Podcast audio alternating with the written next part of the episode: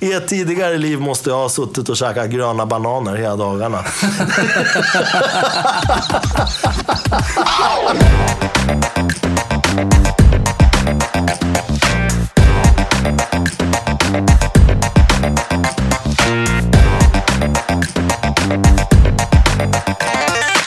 Hej allihopa och varmt välkomna till ett nytt avsnitt av Rörsut med mig Hanif Sabsevari. Dagens avsnitt ska vi tillägna en av mina absoluta favoritdruvor, nämligen Cabernet Franc. Eller som jag vanligtvis kallar den i en mer svenskifierad version, Cabernet Franc eller rent av Cab Franc. Det är en blå druva med sina rötter i Frankrike där man vanligtvis använder den i mindre mängd i Bordeauxviner. Men den är också vanlig i viner från Loiredalen i Frankrike, exempelvis de från Chinon eller Bourgueil, av vilka en av de smaskigare flaskor som jag själv har testat är en 2020 års Chinon Cuisine de ma mère, som fortfarande finns att beställa på Systembolaget under artikelnummer 71529. Cab Franc delar väldigt många av sina doft och smakaromer med Cabernet Sauvignon. Och idag vet man genom DNA-teknik att Cabernet Sauvignon ursprungligen är en korsning av just Cabernet Franc och Sauvignon Blanc. Vidare anses Cabernet Franc även vara förälder till druvorna Merlot och Carmenère. Dess aromer är rätt enkla att känna igen, men också rätt enkla att blanda ihop med Cabernet Sauvignon. Det är ofta frågan om hallon, svartvinbärsblad, ceder, gräs och inte minst paprika. I dagens avsnitt kommer vi inte enbart att hylla den här fantastiska druvan, utan även en av våra absoluta favoritproducenter, nämligen El Enemigo. Okay. Det som en gång i tiden började som ett hjärteprojekt mellan de två argentinska vännerna Alejandro Vigil och Adriana Catena är idag en av de mest hyllade vinproducenterna i hela världen. Vigil, som är jordmånsexpert och en av de mest hyllade vinmakarna i världen, har mångårig erfarenhet från Bodega Catena Zapata, som ägdes av Adriana Catenas pappa Nicolas. El Enemigo producerar inte enbart underbara viner på Malbec. De gör även en av marknadens i särklass godaste och mest prisvärda Chardonnay, El Enemigo Chardonnay Mendoza. Men deras förkärlek för Cabernet Franc går inte att ta miste på. Inte nog med att de har sopat hem 100 Parker-poäng för sin 2013 års Gran Enemigo Single Vineyard Gualtayari Cabernet Franc, utan de har också tagit en druva som man traditionellt sett bara har blandat ut med och visat att den kan stå på helt egna ben. Med sin högutodlade Cabernet Franc från vingårdar belägna cirka 1400 meter ovanför havet har den här argentinska producenten idag blivit starkt förknippad med den här druvan. Och det vore omöjligt att tala om Cabernet Franc utan att tala om El Enemigo. I dagens avsnitt har vi tagit in vår återkommande gäst Siavash Habibi för att testa två årgångar av just El Enemigos Cabernet Franc. Det rör sig om årgångarna 2013 och 2014. Och till saken hör också att Siavash och jag nyligen testade årgång 2016 tillsammans så att vi har den väldigt färskt i minnet. För att riktigt twista till den här provningen har vi också valt att ta in Siavashs för närvarande absoluta favoritvin som som kommer från ett helt annat område framställt på en helt annan druva från en helt annan producent. Nämligen GD Vairas Langen Biolo från 2020. Så slå er ner i soffan, gärna med ett härligt glas rött i handen och häng med på dagens provning. Siavash, varmt välkommen tillbaka till Rörsut. Tack. Hur har du haft det? Jag har haft det bra. Ja. Jag, har, jag har eh, satt mig in i viner mycket mer än senast. Ja, delvis lite grann mitt fel också, eller hur? Absolut. Ja, jag, jag älskar att vara skyldig till just den saken. Jag är tacksam. Du får, du får vara skyldig till mer sådana här saker. Ja, men det är bra. Det är bra. V- vad gör du? Vad händer i ditt liv? Och, och hur mår du? Jag mår prima. Jag är pappaledig. Jag eh, är, mer eh, stressfri nu än, än eh, på länge. Jag har haft mycket tid att reflektera. Men varje fredag så, så får jag möjlighet att poppa en ny flaska och testa lite grann. Utforska. Nu har jag faktiskt lagt utforskandet lite på is för att jag hittade en flaska vin som jag verkligen tycker om. Och eh, vecka efter vecka, eller så här månad efter månad, när jag gjorde mina beställningar så eh, köpte jag alltid den också. Och och när det kom till den så tyckte jag om den mest. Eh, Så nu har jag, nu har jag bara beställt av den. Ja, dagens tema som vi ska ha är ju Cabernet Franc då, från El Enemigo. Men du har faktiskt tagit med en sån flaska som du har blivit väldigt kär i. Jag har ju bland de här st- större producenterna har jag ju några som är favoriter och El Enemigo är ju verkligen en av dem. En av de andra är ju GD Vaira. Det roliga är att jag har ju tipsat dig om deras Barolo och deras eh, Barberad. Just det. Den är ju fantastisk. Men just den här som du har förälskat dig i har jag faktiskt aldrig testat. Ja, okej. Ja. Så det här blir en lite udda provning. Det, det är en Cabernet Franc-provning från El Enemigo. Men vi tänker att vi avslutar med att testa en sån här flaska som du har med dig också. Ja. Bara för skojs skull. Vad roligt. Bara för att vi älskar GD Vaira. Ja. Ja. det ska bli roligt för mig också, för, för jag, jag tycker om El Enemigo. Ja. Och speciellt Cabernet Franc. Ja. Är, den är så fin. Eh, och, och jag har aldrig testat dem bredvid varann. Så, Nej, precis. För att det vi ska göra idag är att vi ska testa två årgångar av deras vanliga Cabernet Franc. Då. Det är inte de här um, Single Vineyard och eh, Gran Enemigo som de heter. För de som är intresserade av det så letar man på eh, då på Instagram, på min Instagram-sida, så kommer man se recensionerna av dem. Det var otroliga upplevelser. De var ju lite äldre. Eh, en var en 2010 och en var, kan det ha varit en 2014? Jag kan ha fel, men jag tror att det kanske var det. Och de är ju betydligt dyrare alltså än den här vanliga Cabernet Francen. Och eh, en helt annan grej. Alltså man känner, det är mycket mer terroirdrivet. Man känner att eh, det är, single vineyard och eh, det är lite mer pampigt. Den här, i alla fall den där 2016 som vi bägge blev kära i, var ju så fräsch. Den var ju så fruktig och, och samtidigt som den var väldigt komplex. Men de där vinerna var ju lite mer, skulle jag säga, Bordeaux-style. Var det värt pengen? Som jag skrev i en av mina recensioner, nej, ärligt talat. Alltså en sån där flaska från de årgångarna just nu ligger runt 1800 kronor. Det är ju klart att det är värt det. Det är ju en fantastisk vinupplevelse. Men är eh, det 1500-1600 kronor bättre än den, den här vanliga Cabernet Frangen som de gör? Det kanske är lite att jämföra äpplen och päron, men jag tycker nog inte det. Alltså. Jag, ty- jag tycker man kan i sådana fall försöka göra som vi har gjort. Få tag i lite olika årgångar av den här och testa dem sida vid sida. Ett sätt jag brukar tycka om att tänka när det kommer till är det värt det? Det, det är liksom...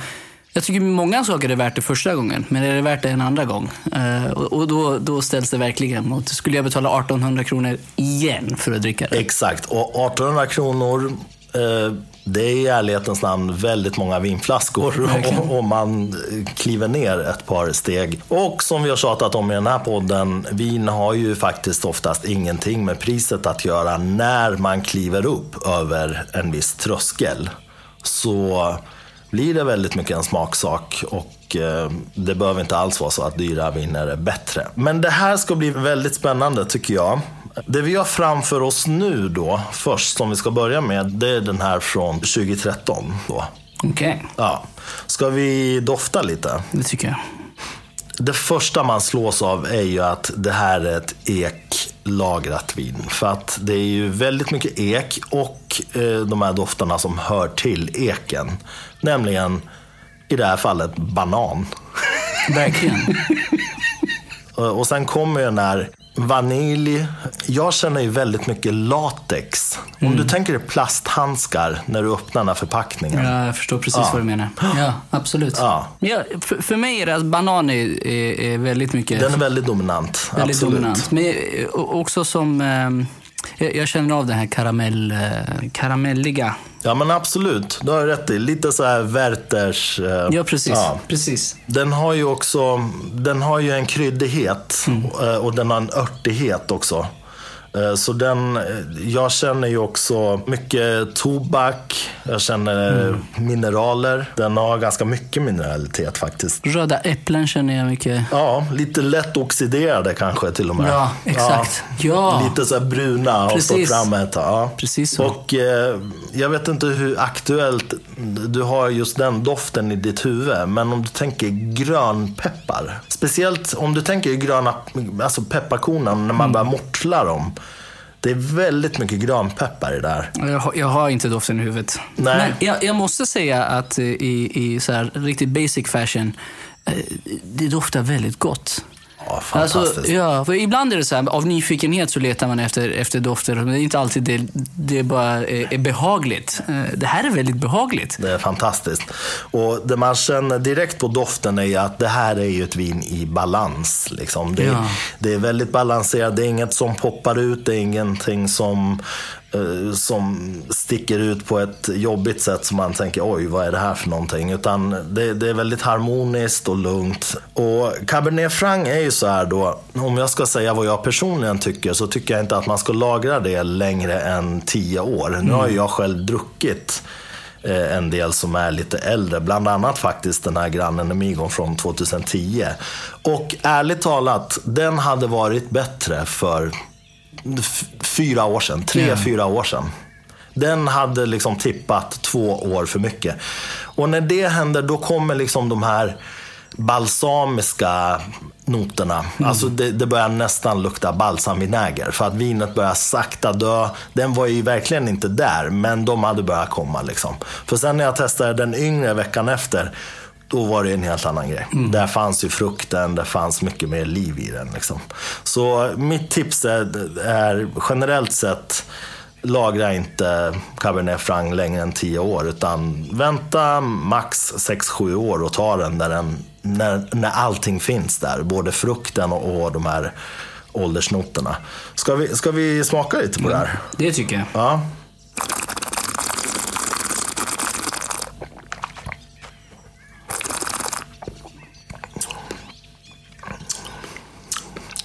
Det var jättegott. oj vad gott. Jättegott. Den, är, den känns ju mer, eh, om, om, jag vet inte om du minns 2016, Ja. hade ju piggare syra. Ja, Den här har ju landat mer nu. absolut. Den är liksom mer eh, upplöst om du förstår vad jag menar. Ja. Den har inte den här eh, syrliga edgen som 2016 hade riktigt.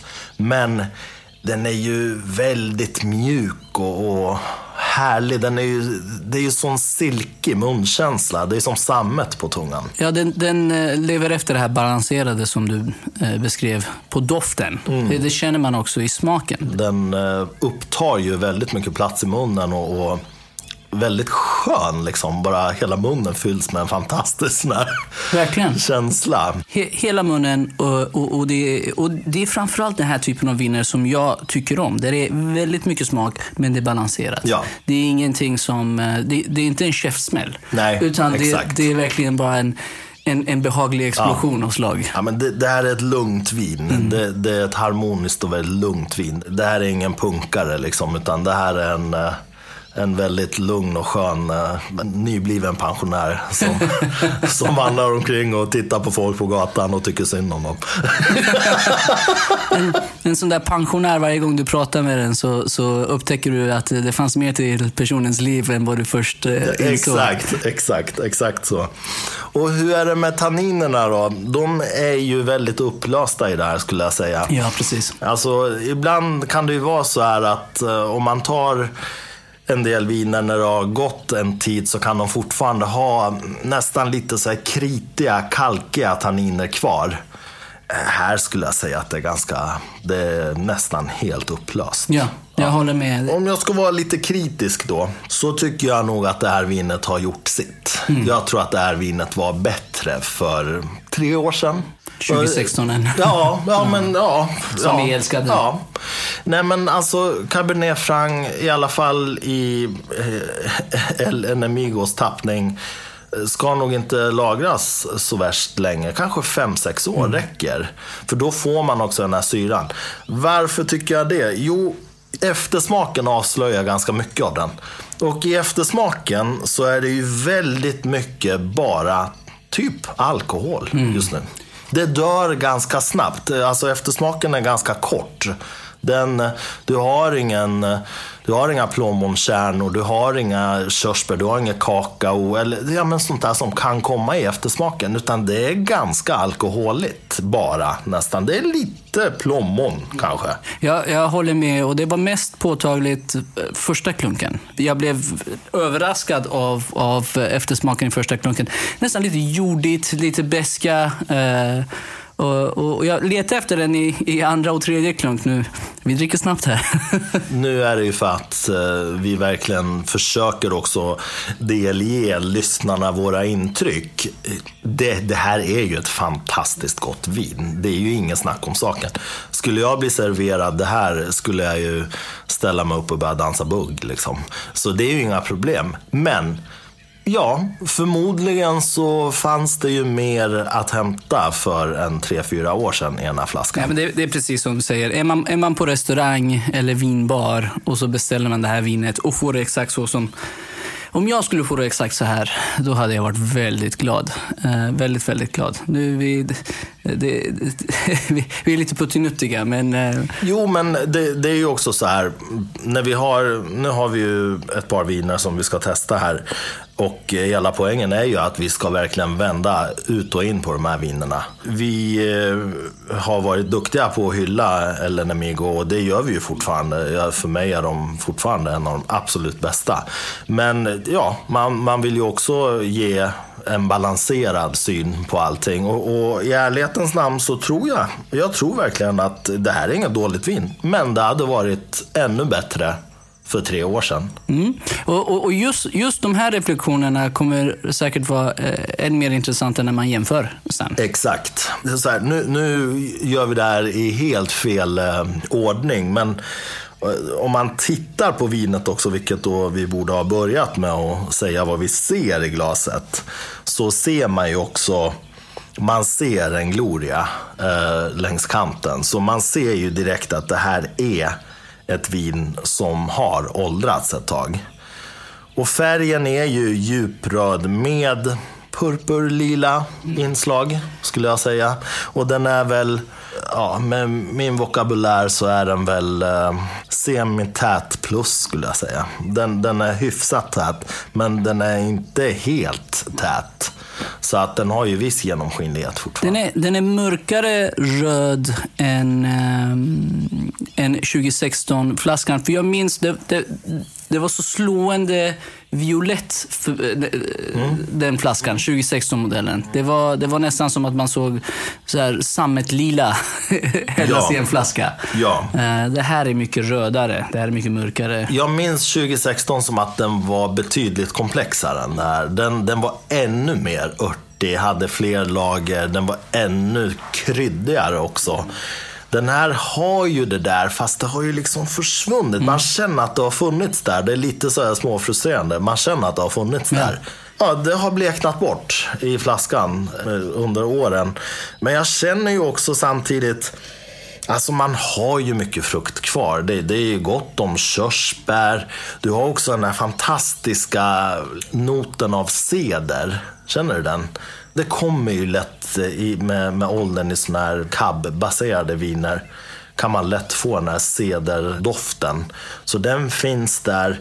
Men problemet är att det är som liksom käftsmäll av den här bananen och mm. liksom, som du sa, kolan och liksom latexen. Så det, allting hamnar nästan lite bakom det där på något vis. Ja, jag känner i, i smaken är den för mig också fortfarande väldigt mycket de här röda äpplena. De här Ingrid Marie tänker jag på. Vi som, ja. vi som har barn måste ja. sålla mellan våra äpplen. Ja, absolut. Det går inte med vilka äpplen som helst. Nej, exakt. Jag bara känna till dem på, på first name basis. Men, ja. Eh, men eh, jag, jag, tänker väldigt mycket på de här röda, röda, lite mjöliga, som du sa, lite smått oxiderade ja. Eh, äpplena. Ja. Jag börjar, börjar känna som att jag, jag tycker om de här unga primör fräscha smakerna på viner. Ja. Och, och jag håller med. Jag tycker 2016 var mycket livligare. Ja. Det, det ska tilläggas att det här är inte 100, 100, 100 procent Cabernet Franc.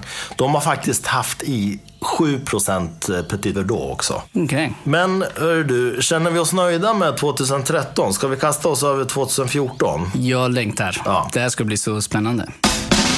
Det här är 100 procent Cabernet Franc. Nu blir jag nyfiken. Alltså här, här vill man intervjua de här människorna och säga varför gör ni så här 2014 och inte 2013 eller vice versa. Nu ska inte jag svara på din fråga och deras vägnar, men ett par anledningar till att man vill göra så är att varje årgång är ju olik den andra på grund av det här lilla fenomenet väder. Väder. Ja.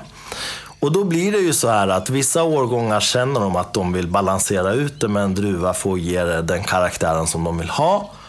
Och då blandar de in, ja som i förra flaskan då, 7% Petit Verdot. Och för oss kan det ju vara så här, varför inte 8% Varför inte 6% Men alltså det här är ju människor som har koll på grejerna. Ja. Och just El Enemigo består ju också av världens absolut bästa vinmakare, skulle jag säga. De tillhör absoluta toppskiktet. Så att man får lita på deras eh, smak och doftsinne och deras erfarenhet. Men hur som helst, det här är 100% Cabernet Franc.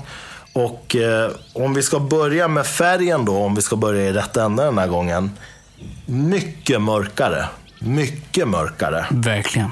Den här är tät. Du har inte tillstymmelse till någon form av genomskinlighet här. Inte alls samma eh, gloria runt, eh, om du kollar i glaset. Det har inte alls bleknat på samma sätt. Utan det här är konsekvent tätt över hela ytan när jag tittar. Färgen är lila i princip. Alltså det är mörklila. Ja. Väldigt djup röd färg. Mörk, åt mörklila hållet skulle jag säga. Men det finns ingenting som tyder på att det här skulle ha åldrats särskilt länge. Hade jag sett det här bara så hade jag inte tänkt att det här är ett vin som har legat på rygg i eh, åtta år, blir det väl. Nej, Alltså, för, förutom på, på toppen när man vickar glaset. ja, ja, Man skulle kunna tro att det här är cola eller någonting. Det är liksom, Ja, eller det till är och med verkligen släpper in mörkt. mer, mer ljus. Ja, men absolut. Det är verkligen tätt och det är mörkt. Ska vi dofta lite? Det är inte i närheten av förra, förra vinet i doften. Det här är ett helt annat vin. Alltså, jag får ganska mycket balsamiska noter här. Jag håller helt med dig. Ja. Absolut. Det är nästan så att jag först tänkte att det är korkat. Du vet. Det, ja, men det, det är lite åt det där hållet. Ja, det är inte mycket eh, fruktsötma som kommer fram. Utan eh, mycket det här balsamiska du är inne på. Absolut. Ja. Det, det, luk, det luktar så här, eh, nästan åldrad balsamvinäger. Ja, men exakt. Ja. exakt. Och det smärtar att säga, men så här kan en del tvärdöda korkade viner dofta. Fast tusen gånger mer. Jag får ändå en del frukt här. Jag får väldigt mycket katrinplommon. Mm. Jag får björnbär. Jag får mycket mörk frukt. Jag får fortfarande det här röda äpplet. Ja men absolut, men det är mer. Allt är ju, det här är mycket mer oxiderat. Jag får ju en doftnot väldigt ofta när jag doftar på äldre viner. Det här är ju bara då en 2014. Jag tycker att många äldre viner har en väldigt stark doft av grillkrydda. Jag det? förstår exakt vad du menar. Vad roligt att du säger Ja, det. Paprikapulver. Ja. Grillkrydda. Nästan lite lök. Alltså, Ja, men exakt. Ja. Jag tror att den här behöver lite luft. Den behöver mer luft än, det förra vinet eh, behövde. Jag får en så här lite rostad eh, doft. Nästan så här, Ja. som att någonting är panerat eller till och med Ja. rostad lök. Eller det, det, Ja. det är lite rost, rostad... eh, Ja, och det är ju inte heller ovanligt av det enkla skälet att nu, nu vet inte jag riktigt med den här årgången och deras fat. Men det är ju väldigt vanligt att man rostar i okej. ekfaten. Mm. Här är, jag känner av bananen här också, men det är Absolut. inte lika mogen banan. Nej. Det är lite det här grönare... Ja, absolut. Och sen får jag jättemycket, vet du, jag får en torkad ört som eh, jag själv älskar väldigt mycket. Torkad salvia. Salvia? Ja. Jag, får, ja, men jag får mycket örter. Jag får lite oregano också. Oregano känner Ja, jag. ja. Mm, hittar inte salvian, men oregano känner jag absolut. Det, det är också ett tips jag, jag kan ge till alla. Det, det är inte världens eh, mest eh, långsökta tips, men köp gärna kryddor. Så här, så, till och med som, som ni inte använder. Jag gör ju det. Jag, har, jag tror jag har hela så här, kryddspektrat från A till Ö. Bara för att känna till det. Liksom. Ja, bara få att dofta. Och ibland går jag och öppnar dem där och bara sticker in näsan. Bara, hur var det liksom muskot uh, luktade Luktade. egentligen? Eh, det gör att man håller doftsinnet aktuellt och, och man uppdaterar och ser till att man inte glömmer de här dofterna. Och det, det är lite problemet, känner jag ofta. Att, att, att jag känner dofter som jag inte kan sätta fingret på. Eh, Absolut. Och det är, det är jobbigt. Det är som att leta efter ord. Men, men så, så är det ju. Så kan det ju vara för mig ibland också fortfarande. Men framförallt i början när man började dricka vin.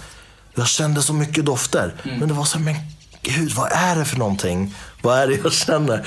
Men det, ett bra sätt är ju faktiskt att dofta på allting. Gör som många kockar gör. Lyft upp alla råvaror och dofta på dem.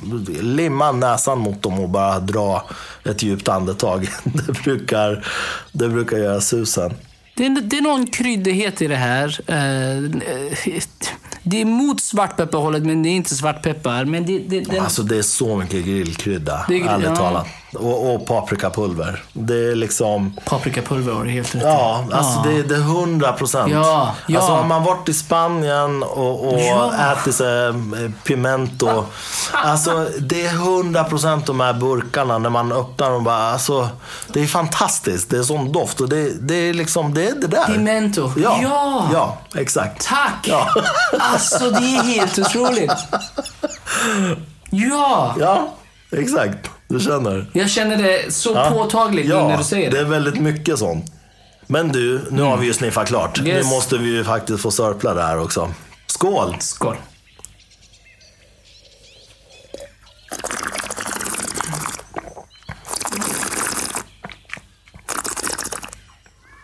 Det här var ju helt annorlunda mot förra årgången. Hoho, det här kom efter smaken. Ja. Du har rätt i att nu i smaken eh, faktiskt känner jag mycket mer rostad karaktär. Och jag får ganska mycket så torkade plommon, alltså katrinplommon. Liksom. Det är väldigt mycket katrinplommon, speciellt i eftersmaken. Och det är liksom, det är något som är torkat i det här. Alltså det, det är inte så mycket jag menar, frisk, fräsch eh, frukt. Utan det, det här är, det är oxiderat och det är torkat. Liksom. Det är mycket mer åt det hållet. Eller? Vad tänker du? Ja, det, det känns som att smaken tar någon form av shortcut till, eh, till eftersmaken. Ja, det, det, det, jag, jag känner det här första och mellandelen mycket mindre och så kommer den här eftersmaken väldigt påtagligt. Ja, exakt. Det, det är därför jag också kanske började med eftersmaken. För det, det är den man känner när man har, när man har druckit en, en klunk. Liksom. Mm, den kommer dit snabbt. Ja. Intressant. Det finns liksom ingen riktig... Det finns inget intro, det finns ingen mellanlandning. Det är nästan bara eftersmak i det här. Och den är, den är, den är Den som en är kraft. punchy. eh, Exakt. Det är en riktig käftsmäll. Väldigt annorlunda mot förra. Ja, det går inte att... Det är två helt olika viner. Men det är inte oskönt. Det är det verkligen inte. Vad säger vi om tanninerna då? Det, tanninerna är rätt likadana. Alltså, de är väldigt besläktade skulle jag säga. Det är samma typ av, men, väldigt upplösta men lite lätt mjöliga. Liksom, Sådär. Ja, jag håller med. Ja. Det är inte, det är inga... Jag måste säga, det, det är lite mer... Det är lite mer liv i den här än den andra. Det, Det är lite mer syra i mycket den också. Ja, Ja. Och det- den är punchigare. Ja. Det är den. Den är Ja. inte lika balanserad som den andra. Alltså det, den, den förra var ju eh, lenare, eh, mjukare i, i, i smaken. Det Den här var är silkigare. silkigare. Ja, Ja. Den här är ju lite, den har lite mer edge. Den har lite mer eh, punk i sig liksom. Ja. ja, men Ja. precis. Men eh, den har ju också nästan bara eftersmak. Ja. Jag, tror, jag tror inte att det här vinet Är som ska, det ska vara. smaka 100%. så här. Det är verkligen inte odrickbart. Nej, det är, Lång, långt ifrån. det är inte oskönt. Det är inte oskönt. Men du känner också på eftersmaken att alkoholsmaken är lite sådär fadd. Alltså den, den är lite så här konstig alltså. Jämför man med den förra så är det påtagligt mm, att, att den är inte är lika skön, den är inte lika bra. Men skulle man bara dricka den sådär, igen, skulle man bli serverad den. Jag tror man skulle ana någonting, men den går att dricka, den går ner ganska... Ja, alltså de balsamiska noterna går inte att ta miste på. Man känner direkt att det är någonting som har oxiderat här. För den är, den är mjukare, mer balanserad, mm, liksom behagligare, fruktigare. Exakt en halv sekund och sen kommer det. Ja, Och sen hoppar exakt. den över. Ja. Nu när vinet har, har stått ett tag ändå och fått lite luft, så det blir lite bättre Mm. ändå. Ja, eller hur? Det här blev ju inte riktigt vad vi hade tänkt oss på det sättet att ett vin förmodligen är lite defekt i ärlighetens namn. Men det är också så här, det är, väldigt, det är första gången det händer i podden. Eh, Det, det händer ju inte så ofta, eh, för mig i alla fall överlag. Jag har faktiskt haft väldigt tur överlag i hela, i hela min, mitt eh, vindrickande. Att jag har inte råkat ut för jättemånga korkade flaskor. Men det händer ju ibland, absolut. Men, men det som är kul är ju att, jag menar, att lyssnarna faktiskt får höra där att ja, så här kan det vara. Det kan finnas defekta flaskor där ute och det kan vara just den flaskan som vi testar här. Jag, jag måste säga, Hanif, att, att för mig är det här speciellt kul. För att jag har haft oturen med mig med många defekta flaskor. Alltså om man tittar så här procentuellt. Eh, Men de har ofta också varit väldigt defekta. Det här var inte väldigt defekt. Så jag har aldrig egentligen förstått varför ena kallas oxiderat och andra kallas korkat och det tredje kallas... Jag vet inte. Okay? Jag bara känner att det här vinet, är- det, det, det här måste jag lämna, lämna tillbaka. Så här Ja. ska inte vin smaka. Nej. Den här gången förstår jag att det är oxiderat. Ja. Alltså jag, jag förstår det. Jag, liksom, jag kan jämföra med oxiderade äpplen. Det är den smaken. Det är den grejen. Och, och i och med att den är lite så halvt oxiderad. Ett korkat vin, det tror jag att alla som har råkat ut för aldrig kommer glömma. Det är så pass distinkt doft, eller lukt kanske man ska säga när det är negativt då. Eh, Så att det är ju någonting som man inte glömmer i första taget. Och när man väl råkar ut för den nästa gång så kommer man direkt att känna igen den. Det här är inte det. Nej. Nej. Nej. Den är långt ifrån där än. Men den har det här som faktiskt många äldre viner har. Den, här, den här noten, alltså grillkrydda, paprika. Jättemånga äldre viner som har det där. Okej. Ja, det är typiskt äldre viner. Hade jag blindat den här, då hade jag trott att den är mycket äldre. På doften i alla fall. Jag sparar flera tusen kronor.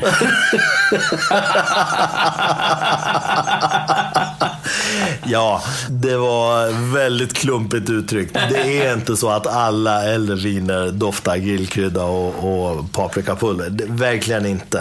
Eh, Det, det är inte så jag menar. Men det är, det är en vanligt förekommande not. Det var nog jag som var, hade naivt eller hoppfullt eh, uttryckt. Nej, du slipper inte undan. Eh, Kul att vi råkade ut för en, en sån här grej i podden. Det är ingen som vet vad som händer i en flaska över tid. Det är ingen som kan garantera det. Det är absolut ingen som vet. Det finns eh, det som kritiker kallar för bra årgångar. Det finns det som kritiker kallar för dåliga årgångar. Det visar sig ibland, eh, i mitt tycke ganska ofta, vara helt felaktigt. Det finns bra årgångar som inte alls visar sig vara särskilt bra årgångar. Och det finns utskällda, dåliga årgångar som de tänker sig inte ska hålla så länge eller som de tänker sig inte ska utvecklas på ett så intressant vis. Som visar sig vara alldeles utmärkta liksom 20-30 år senare. Så att det är ingen som vet vad som händer i min flaska. Det, det, det, här är ett levande material. Det är vätska, du har en eh, kork, det kommer in luft och, och ingen vet vad som kommer hända i den här flaskan. Så det enda sättet att veta det, det är att göra som vi gör korka dem. Eh, korka upp och kör. Testa. Och, och dela upplevelser, för, för vi är levande också. Och Exakt. Vi har också olika smakpreferenser. Och, och... Ska vi ändå sammanfatta det här mm. med att säga så här. Att eh, endruvsviner på, på Cabernet Franc är, tycker jag då personligen, otroligt smaskiga. De är oftast väldigt eh, juiciga. De har väldigt skön komplexitet. Och gillar man den här juiciga, sköna, förföriska, lite sexiga känslan i vin. Ren Cab Franc är, det är det. Det är fantastiskt. Jag visste inte att det fanns något som heter Cab Franc eller Cabernet Franc. Eh, det var du som tipsade mig om El Enemigo 2016 Cabernet Franc. Och, och jag såklart eh, följde det och, och, köpte en flaska. Jag måste säga, den flaskan var bättre än de två som vi testat idag. Eh, jag tyckte om den mer. Den, var, den hade det hade lite mer av allt, eh, om man säger så. Med det sagt, det första vinet vi, vi, vi smakade var otroligt behagligt. Den var väldigt fin. Jag måste säga att det slår det mesta man dricker eh, överlag. Eh, och, och, Vem som helst hade nog blivit väldigt glad för att få det glaset vin i vilket sammanhang som helst. Absolut. Jag håller helt med dig. 2016, jag minns det vinet väldigt väl. Man blev ju knockad när man öppnade öppnade den flaskan. Den hade ju allt. Den hade liksom fräschören, den hade den här fantastiska syran. Den hade komplexiteten, den hade mineraliteten, den hade alla lager av ofantligt sköna liksom, doft och smaknoter som var enorma. En flaska som är, borde vara betydligt dyrare om man nu ska prata pris. Eh, så att eh, kommer ni över El Enemigos Cabernet Franc 2016 Kör. Det är ett fantastiskt vin. De här två vinerna, en i ärlighetens namn eh, har ju gjort sitt. Jag tycker man ska vara rättvis. Den eh, tycker jag inte ens vi kanske kan bedöma riktigt eh, sådär hundraprocentigt. Eh, 2013, väldigt behaglig, väldigt silkig och skön. Men det var ju inte 2016. Jag är en sån mycket, mycket tydligare. Det här, var det gott? Var det inte gott? Bortsett från eh, nyfikenheten man kan ha på vin och vilka, vilka karaktärer den har. Jag känner att jag vill, jag vill kunna berätta till andra det här måste ni dricka. Och jag kan säga det om både 2016 och, och eh, 2013 då, som vi först drack. Eh, 2016 är bland de bästa flaskor vin jag någonsin köpt. Så, så det är svårt att komma upp dit. Vad kul. Siavash, så himla kul. Eh, vår eh, Cab Franc-provning är därmed officiellt slut.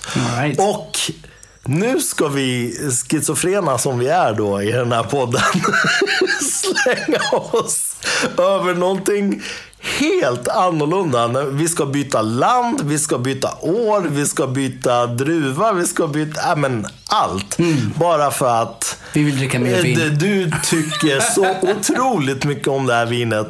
Jag tycker att vi slänger oss över nästa flaska direkt faktiskt. Låt oss. Nu, nu får du, varsågod, open mic.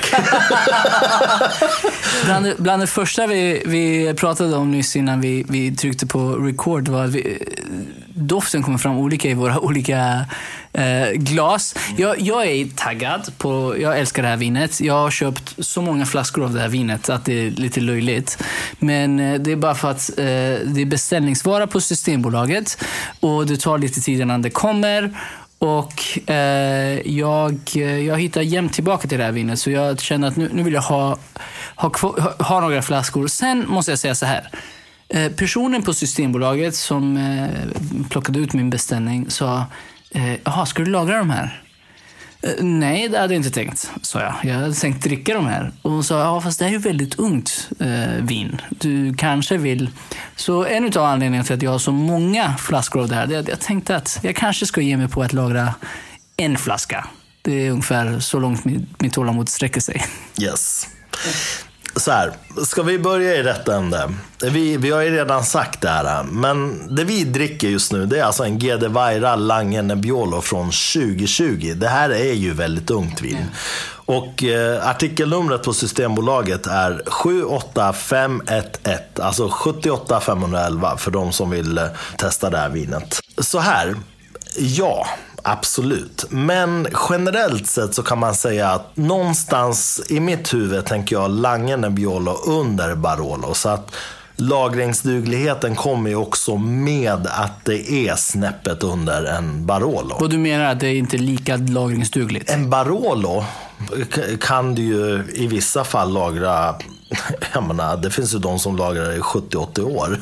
Jag personligen tycker att det man dricker då när man öppnar det är ju ren champinjonsoppa. Men grundregeln för mig med Barolo är någonstans mellan 10 och 20 år beroende på vilken årgång vi pratar. Okej. Lange knäppt den efter 5 till max 10 år. Beroende på årgång då.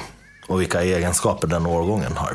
Så inte alls samma typ av långlagrare som vi pratar om när vi pratar om Barolo. Eh, men ja, givetvis, det här är ju Nebbiolo. Liksom. Det är ju samma druva.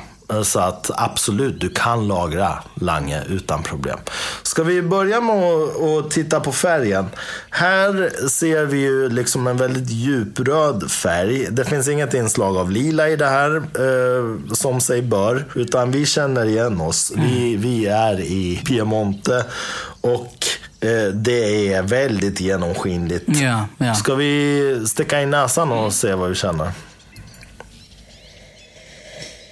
Det här hade man ju kunnat sätta direkt då i region. Det är ju typiska, typiska Nebbiolo-dofter från det här området. Väldigt mycket rosor, väldigt mycket viol, skön mineralitet. Du har liksom mycket läder, du har tobak. Men just den här, det här inslaget av rosor som, är, som avslöjar var vi är någonstans. Jag, jag måste Det är säga, väldigt påtagligt. allt du sa utom rosor eh, hade jag liksom upptäckt när jag testat det här vinet hemma. R- nu när du säger det, absolut rosor. Eh, Och för första gången nu så känner jag också lite, lite så tropiska, nästan ananas-inslag. Absolut. Man kan till och med få lite mango om man är välvillig. Så här, väldigt komplex eh, Lange, får man ju lov att säga. Det här vinet kostar ju 199 99. Jag vet kronor. exakt. Ja, du, du har ju tömt hela Systembolagets förråd, höll jag på att säga. Så du vet verkligen vad det här kostar. Eh, Det är mycket vin för pengarna det här. Mycket vin för pengarna. Ja, absolut. det är som att dricka en Barolo mm, som kanske inte exakt lika komplex, men herregud, alltså. Vem, vem klagar? För 199 kronor, det blir inte så mycket bättre. fantastiskt. Nej, väldigt prisvärt. Jag, jag, har testat Lange eh, hela vägen upp till 350 kronor. Det här är min favorit, om jag inte har sagt det tidigare. Det, det, du får säga hur många gånger du vill. Det är open mic som sagt. Men du Siamar, ska vi testa att dricka det här en gång? Låt oss. Ja. Skål. Skål.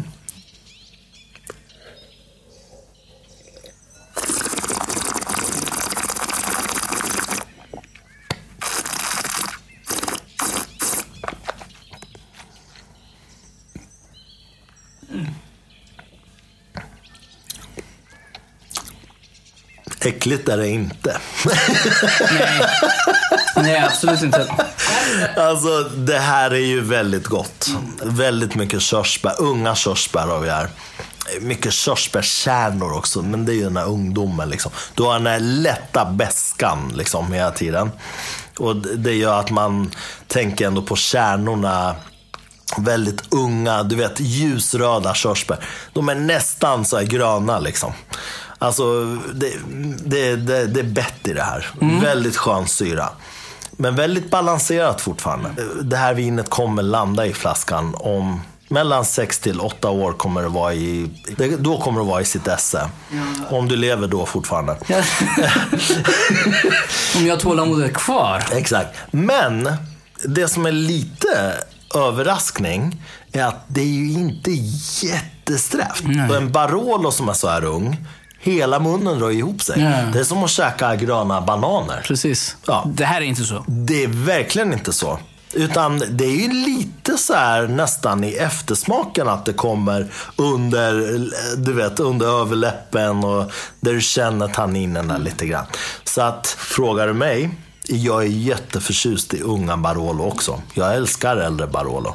Men herregud, en ung Barolo.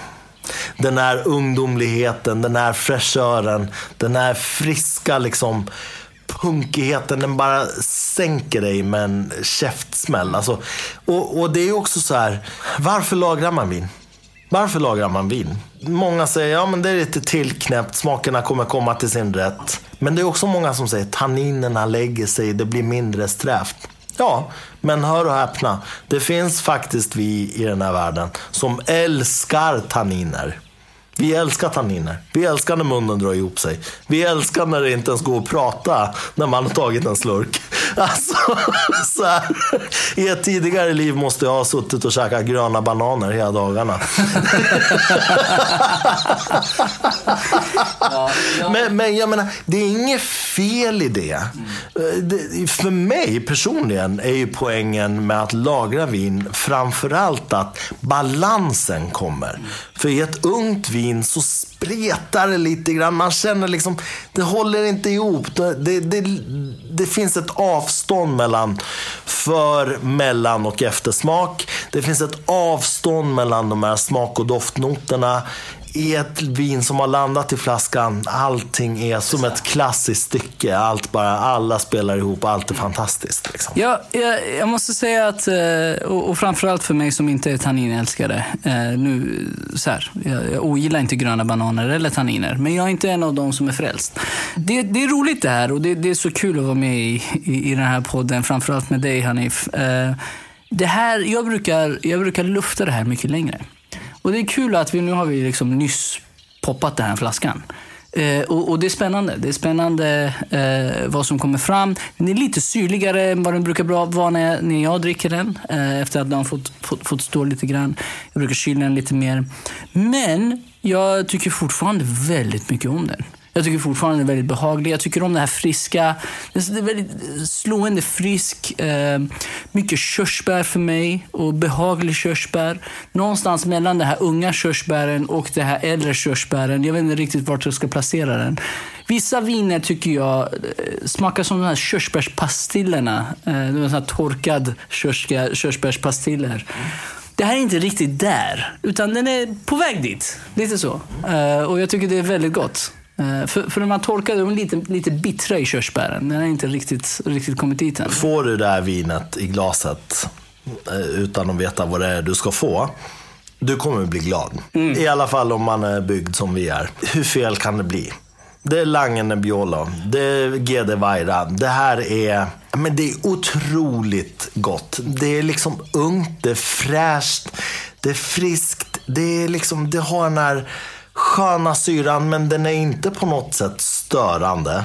Det är inte så att du, du gör en grimas som när du har bitit i en citron. Utan det här är läckert. Ja. Ja, jag förstår att du tycker om det här. Och jag menar för, för, för 199 riksdaler, pangvin. Verkligen. Jag menar, det, det är ju så här, för de som inte vill lägga kanske 400-500 kronor på en vettig Barolo. Man förstår absolut vad det handlar om om man köper det här vinet. Det är samma, typer, samma typ av doftnoter, samma typ av smaknoter. Där det brister då är ju i komplexiteten. Exakt vad jag tänkte Ja. säga. Tack. Gedevaira gör ju Barolo också. Jämför man det här med deras Barolo och speciellt de dyrare varianterna. Det är komplexiteten som är skillnaden. Mm. Jag Du igen får, du får mycket mer. Men det är också så här, fredag kväll, du ska kolla På spåret. Du kanske inte vill ha det där super, super, super komplexa vinet där du måste sitta och tänka. Du kanske vill ha någonting bara som du sörplar och det bara slinker ner och det är bara magiskt. Liksom. Och det är fantastiskt gott, det är lättdrucket, men det har ändå någonting som är otroligt attraktivt. GD Vaira, Langen Nebbiolo 2020. Visst. Kör hårt. Och, och, och till det här hör, och, och, det måste jag säga, att det finns den här gamla devisen Happy wife, happy life.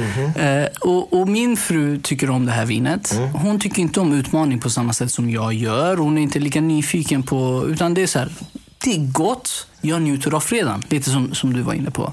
Framförallt då eh, med en bit kött och så lite ost och lite fett. Va? Det, här, det här fettman Oh ja. går så väl ihop med den här. För, för att det här unga vinet, eh, jag kan inte det här lika, lika, lika, bra som du, men det här unga vinet och den här syrligheten, det här, det här friska smaken, den tämjs eh, med, med det här eh, fettman från köttet eller osten eller salamin eller eh, vad man har. Alltså, det, det är ju så här. Den, de tanniner som finns i det här vinet, de ger sig ju på proteinet. Det är ju det som händer. Det är ju därför man äter kött till strävare vin.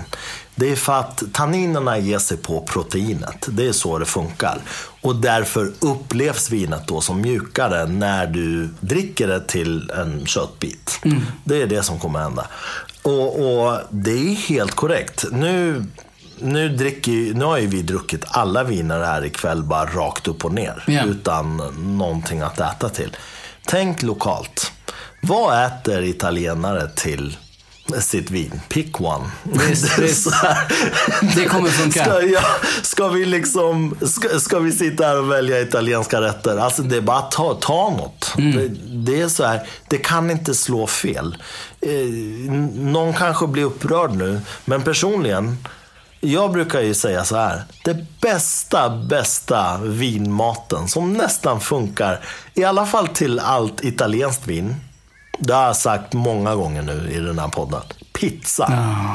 Ta en pizza, gärna med mozzarellaost.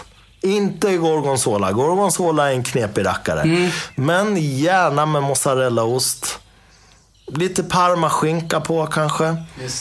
Du har syran i tomatsåsen som kommer möta upp syran i det här vinet. Alltså det kommer bli en fantastisk upplevelse. Jag kan tänka mig. Oxfilé, pizza, salami, Uff. pizza. Åh. Ja, Siavash. Det är alltid ett nöje att ha dig med i den här podden.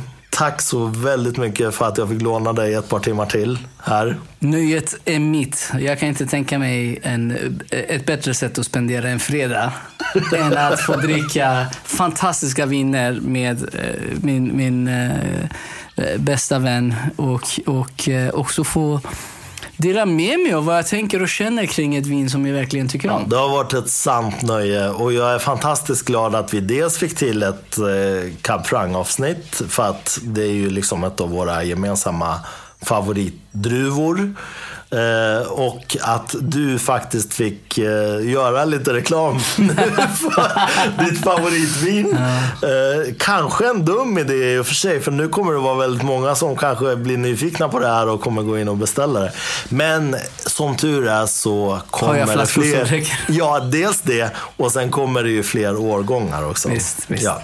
Tack Hanif. Tusen tack Siavash. Du är alltid välkommen tillbaka hit. Tusen tack för att du var med. Och eh, till alla er där ute. Det var ett tag sedan vi sa det här.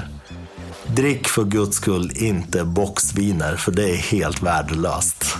Drick vettiga viner. Behöver ni tips kollar ni bara på Rörshuts Instagram-sida eller Facebook-sida eller så bara mejlar ni mig eh, på rorsutpodd.gmail.com. Jag önskar er angenäma vinupplevelser.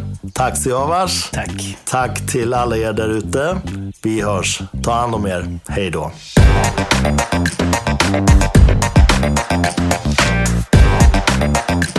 Thank